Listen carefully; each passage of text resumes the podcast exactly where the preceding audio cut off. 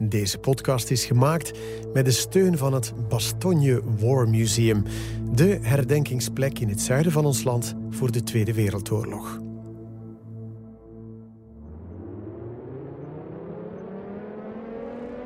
Tachtig jaar geleden woedde de laatste oorlog in onze gewesten. Een oorlog die Europa verscheurde, hertekende en waarvan we de gruwel tot vandaag proberen te bevatten. De Tweede Wereldoorlog. En de laatste generatie die hem zelf heeft meegemaakt, doven straks ook de laatste rechtstreeks herinneringen eraan uit. In deze podcastreeks praten we nog één keer met die allerlaatste getuigen, opdat hun verhalen nooit verloren gaan.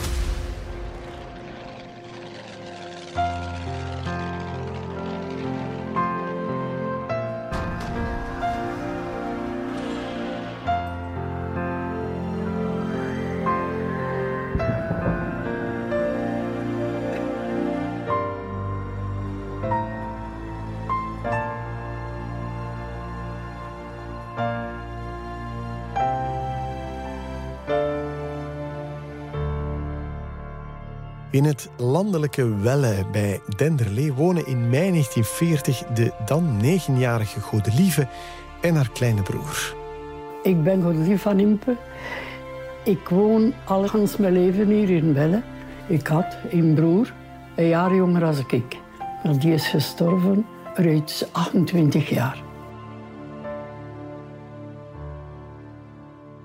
Mijn moeder en mijn vader zijn hier komen wonen in 1939 met mij, mijn broer, met mijn, met mijn grootvader en mijn tante die lam was, die in een rolstoel zat. Mijn vader, ja, die was metser in die tijd, in het begin.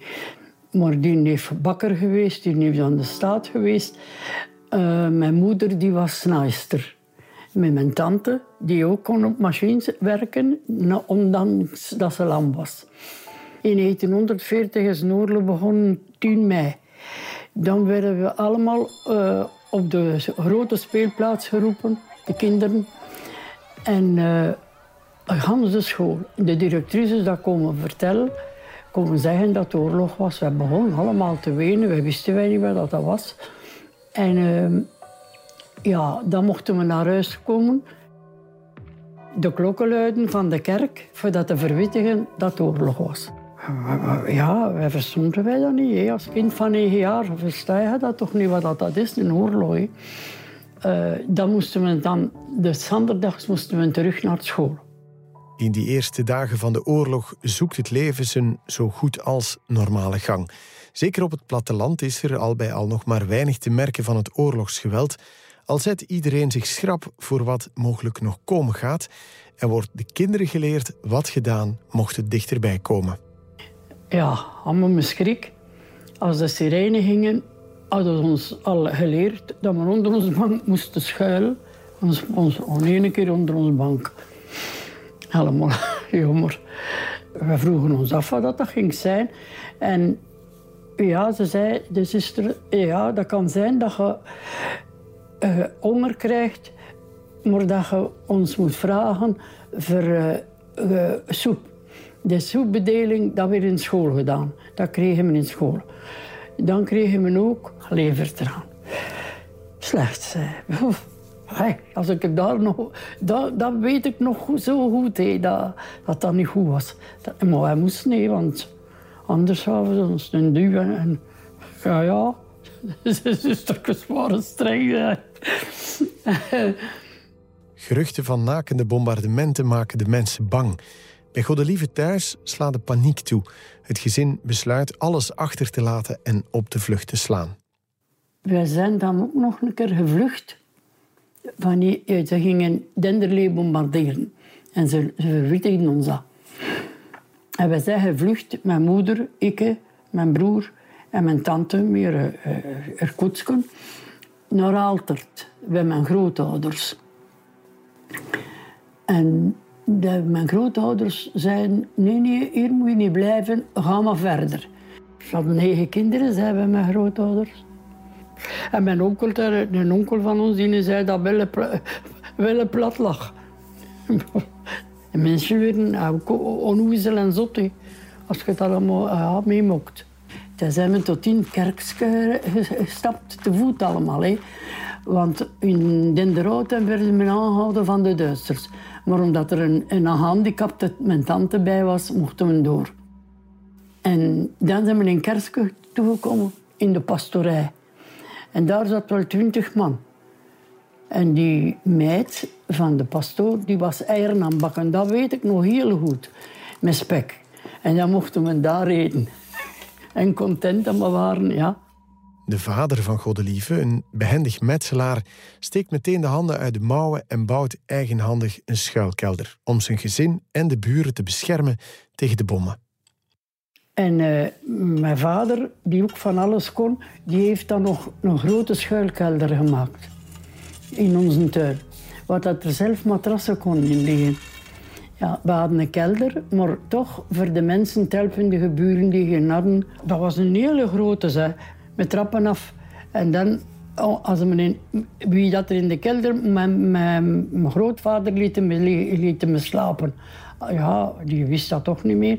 En wij, met mijn tante, met de rolstoel tot aan die put. En dat was met twee trappen en beneden. En dan kon ze dat blijven zitten. En wij, dan bij, wij daarbij. Zelfs mijn tante, mijn vader en zuster kwamen hier ook in onze kelder. Altijd voor, een ander zorgen ook. He. Ons was dat we erin lagen. Als, als de sirene gingen. Dan wisten we dat er gingen bombardementen komen en dan moesten we lopen. Kon mijn moeder ons wakker maken. Ja. We vielen we dan misschien in slaap. Ja, in, in de... Ik zeg hem, en mijn tante die mocht altijd op de beste plaats me. Dat vertelde ik nog altijd. Zeker met acht of tien konden we erin zijn. Ja, matrassen ingeleid. En daar dan in die schuilkelder wachten. Op de bommen. Hoe zit je als kind die eindeloze bange uren uit? Uh, daar zitten te bidden, nee. Wees gegroet, Maria. Ja, als schrik. Heel belangrijk, hè. wij moesten alle dagen naar de mis. Ik ben nog heel gelovig, want ik lees toch alle dagen een paternoster. Hij ligt er aan de kant. En ja, een kind gaat daar niet aan doen. Hè. De echo van het geluid van de bommenwerpers kan ze nog altijd horen. Dat maakte veel lawaai. Dat men, dat men allemaal buiten kwamen kijken. Hè. Ja, ja. En dan, dan we uh, liepen voor in onze schuilkelder te zitten. Nee. Ja, hoort, ja. ja, ja. Oh, dat klonk, ja, allee, akelig zo, hè. Schrik, hè, schrik, hè. De kinderen schrikken. Allee, iedereen, zei. De kinderen alleen, iedereen. De Van Impus hadden de reputatie altijd iedereen te willen helpen. En zo staat op een dag een gezin voor de deur dat aan het station woont. Dood van schrik, want treinstations zijn vaak een doelwit. Dan hebben we er hier van Denderleeuw komen vragen voor bij ons mogen te komen wonen. Dat schrik hadden van het station. De, dat was een moeder met twee kinderen en met mama. En mijn, mijn eh, man is bij het leger, hij is soldaat. Ja, dat is goed, madame. We, hebben ons een, een kamer leeggemaakt en ze mocht zij doorkomen. Vragen worden er niet gesteld. Nooit. En net dat kan al eens tot onaangename verrassingen leiden. Dat weet ik nog goed. Dat er een man dan ik er op verlof kwam, waren wij verschoten. Dat was dan een gestapo. Dat waren wij verschoten. En mijn vader, ja, ja we konden toch de mensen niet, niet, niet terugsturen. Nee. Ja. Mijn vader met, met, ons, met onze radio in onze kelder, omdat hij in, een gestap hadden wonen. Voor te luisteren, ja. Toen had ik schrik af. En ik moest toen een keer met hem, dat weet ik ook nog goed, uh, naar per, met de fiets rijden. Ik moest meegaan. En ik moest toen... ik geloof dat die vrouw niet kon, lezen of schrijven. En ik moest een brieven lezen. En ik, ik weet nog goed zo goed als, ja, ik ben nu 91 en dat weet ik nog goed, wat erop stond. Heb je Solange de groet al geleerd? Hitler. Je kunt gewoon denken hoe dat ik altijd met die, met die Hitler in mijn, in gedachten zat. dat weet ik ook nog goed als kind, die eten altijd goed brood. Wit brood. En ik, curieus neus, altijd gaan kijken. Hij zegt, oh, lieveke, kom, je krijgt een boterham. En ik content als een grote witte boterham. Ah, witte boterhammen, een zeldzaamheid in de oorlog, doorgaans alleen voor de Duitsers zelf weggelegd. Maar honger, nee, dat hebben ze niet bij Goddelieve thuis. Wij hadden kippen, wij hadden een konijn en we een schaap. We hadden een grote tuin waar we veel uh, groenten en alles in konden. Uh, mijn vader deed dat allemaal. Dat, dat, was gewoon altijd. En mijn moeder, uh, confituur maken ze zelf. Eieren hadden we dan van ons kippen. Dat konijn deden ze dood. Ja, dat hadden we dan ook. He. Dat kregen we zegeltjes en daarmee mochten we om melk gaan. Botermelk of andere melk. En ik weet nog dat mijn moeder me verteld heeft... een ei, dat kost in die tijd 12 frank. En de boter 400 frank de kilo. Honger en me niet gehad, wat mijn moeder zo uit haar mond gespaard hebben voor ons. Echt waar. Het wordt 1942 en omdat er door de oorlog veel te weinig werkkrachten zijn, sturen de Duitsers vanaf oktober België naar de Duitse fabrieken. Vader Jozef van Impe besluit weg te lopen met zijn twee broers al is zijn vlucht van korte duur. Daar werden ze opgeroepen tussen 16 en 35 jaar. Of anders werden ze van de Duitsers genomen.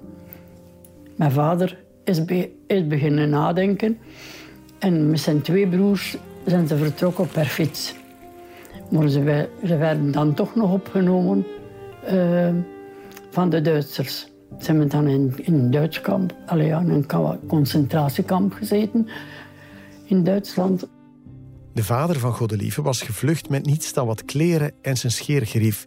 In het werkkamp zal hij daarom als kapper aan de slag moeten. En wanneer hij twee jaar later op het einde van de oorlog weer naar huis mag, met een snor intussen, herkent Godelieve haar eigen vader nog amper. Van wat hij heeft meegemaakt zal ze maar weinig horen. Hoe moeilijk haar moeder het heeft gehad, in die periode, dat weet ze wel nog. Niet veel, mijn moeder en mijn tante zeiden met dat mijn vader te gevlucht was. Mijn moeder zat voor alles alleen. Meer twee kinderen en meer, mijn grootvader ook nog, dat is waar. Maar die was dan dement. En uh, mijn vader is dan nog on, staat gegaan en dan bracht een kolen mee. En voor die kolen kregen wij dat uh, eten. En mijn tante ook niet veel. Hè. Die, die, die hadden niet veel. Hè. Die, was, die, die werkten op machine. Alleen die naaiden en uh, vestjes maken en alles. En daarmee zijn ze zei, wat verdienden. Het leven in België gaat gewoon door. En wanneer ze twaalf wordt, viert Godelieve zoals iedereen haar communie. Een lichtpunt in die duistere jaren waaraan ze warme herinneringen bewaart. En ik heb dan ook mijn plechtige commune gedaan gedurende oorlog. Ah ja, uh, ik ben in 31 geboren, 12 in 43. Dat waren met 100 plechtige communicanten. Maar dat werden we niet gevormd het jaar daarna. Ik was zo gegroeid dat ik mijn kleren niet meer kon. ja, dat was veel te kort. Uh, ja, ja, ja, daar zijn de, we gelukkig, hè, omdat we ons plechtige commune mochten doen. Hè. Een communiefeest tijdens de oorlog, daar komt geen stapel speelgoed bij kijken. Je moest het beste zien te maken van wat er voorhanden was. Kaarten nu, met de kaarten spelen. Of ja, wat hebben we bij me? Ja, was alles eigenlijk. Veel, veel speelgoed hadden wij niet, hè. Een pop, een zelfgemaakte pop of iets. Ik heb veel gebreid en veel gehaakt als ik uh, jonger was. Als ik, uh, ja, ja. Terwijl de oorlog op zijn laatste benen loopt, zijn de Van Impes weer herenigd. Dat de familie tijdens de oorlog ook aan het gezin van een SS'er onderdak heeft geboden, dat weet ook het verzet. En het scheelt geen haar of ze moeten het allemaal bekopen. Na de oorlog uh, reden ze rond met gewone karren. En daar stond de witte, de witte brigade en de zwarte brigade. En daar zaten de wit op. En een geluk dat mijn vader zijn broer daarop zat. En zegt, maar hier woont ook een zwarte, zijn ze. Op die Gestapo. Zo dus hadden ze ons huis nog kunnen in brand steken. Want ze staken de mensen in huis in brand. En mijn onkel zei, Uh, nee, mijn, mijn broer wordt die. En van onze kant. Zie je het? Dat was een, een geluk. Geluk, het bepaalt veel in die oorlogsjaren. En geluk hebben de Van Impes vaak gehad, vindt Godelieve. De bevrijding van Welle, dat gevoel, dat koestert ze. Ja, na de oorlog, dat was ik al 14 jaar. En dan hadden we allemaal gekleurde linten aan en wat allemaal.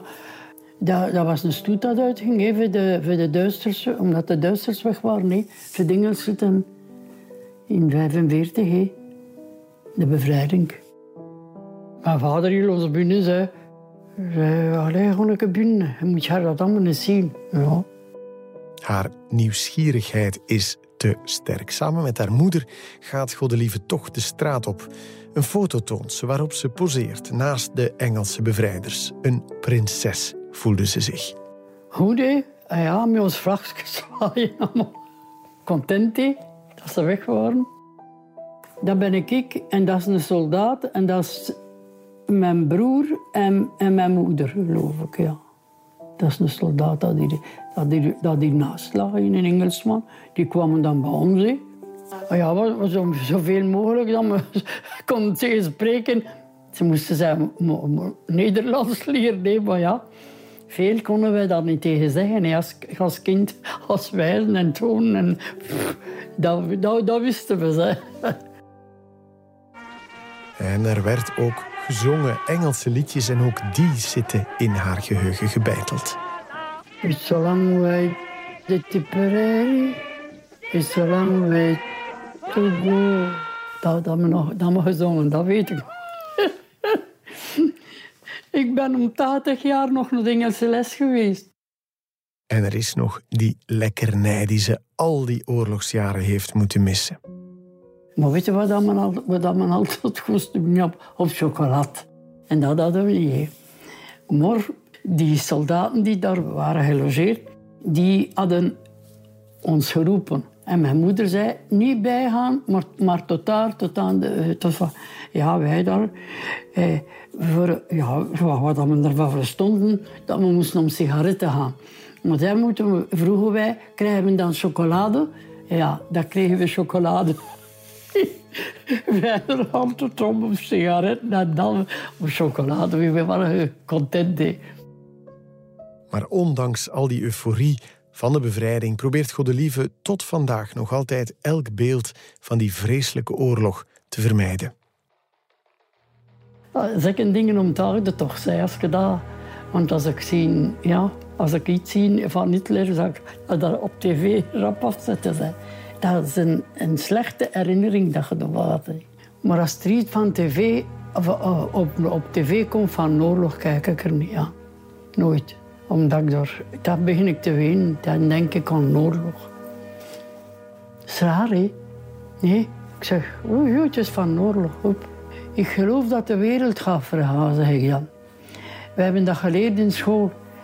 Een vuur dat alle dingen verslinden zal, verschrijden schrikkelijke plagen.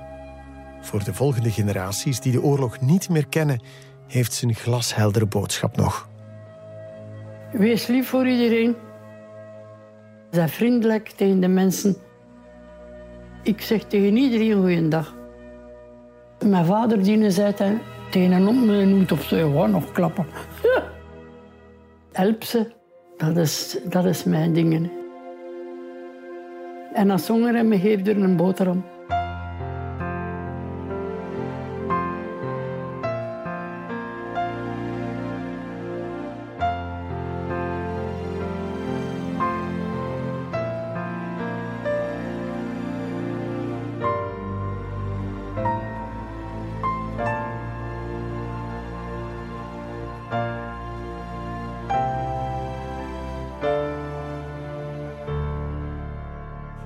Heeft deze getuigenis van Goddelieve van Impe je geraakt?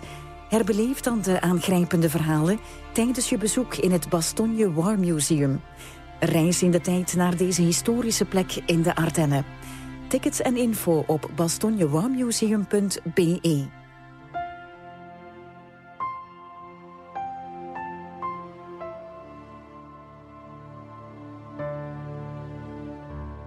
Dit was een podcast van HLN. Wil je op de hoogte blijven van nieuwe afleveringen en andere HLN-podcasts? Ontdek ze in jouw HLN-app of in de auto met CarPlay en Android Auto. Montage en productie waren het toegewijde werk van Ilse Himschoot. Voor sounddesign, muziek en postproductie stond Sami Miraya in. En ik, ik was Freek Braakman.